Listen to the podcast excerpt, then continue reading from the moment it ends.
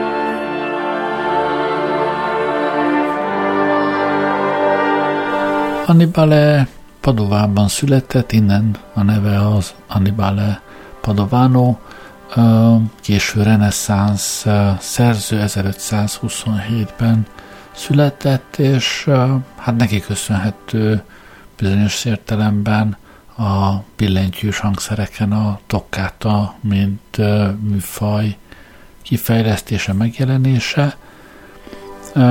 Ifjúkoráról lényegében semmit nem lehet tudni. Az irodalomban először 25 éves korában jelenik meg, amikor a velencei Szent Márk templom organistája lett évi 40 dukát fizetéssel.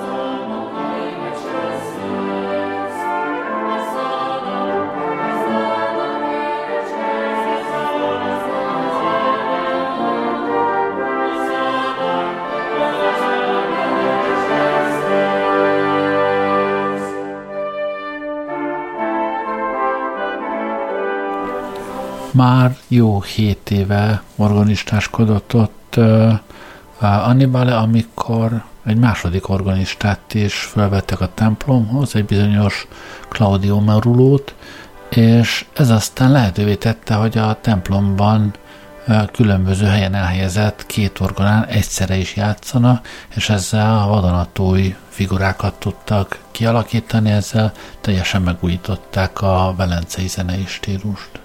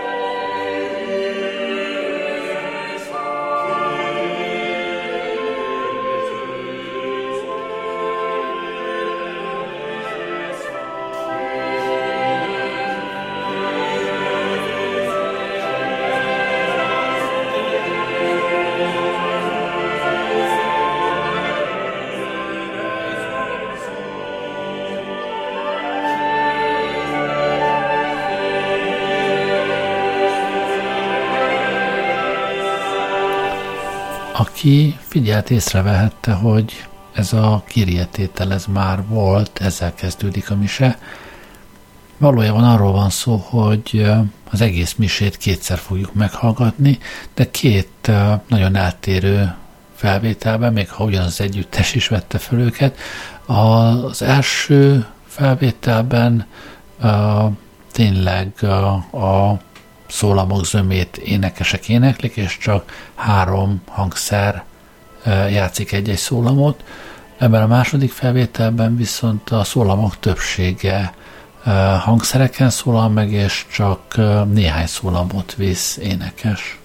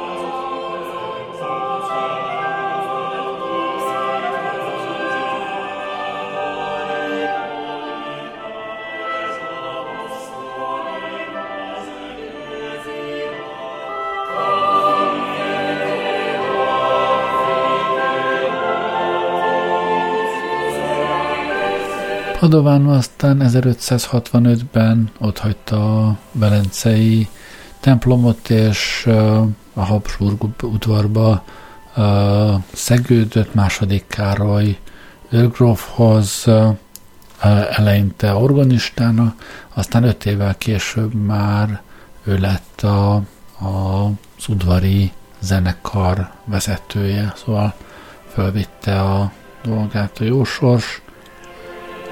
További öt évig élt még Grácsban, aztán 1575-ben halt meg.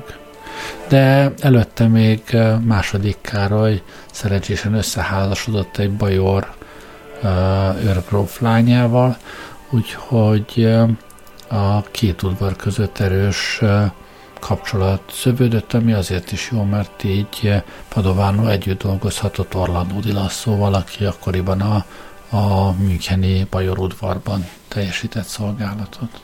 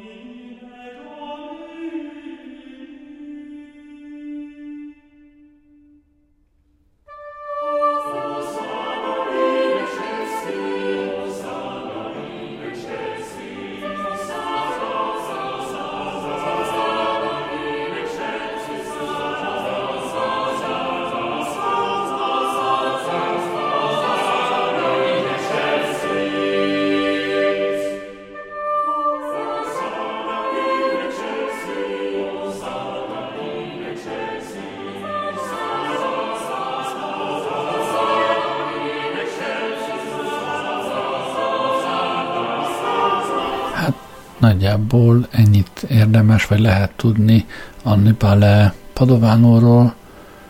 Uh, még hátra van a Donanobis Pácem tétel, azt még hallgassuk meg. Én elbúcsúzom, köszönöm, hogy velem voltatok ma este. Jó éjszakát kívánok, Gerlei Rádiózott.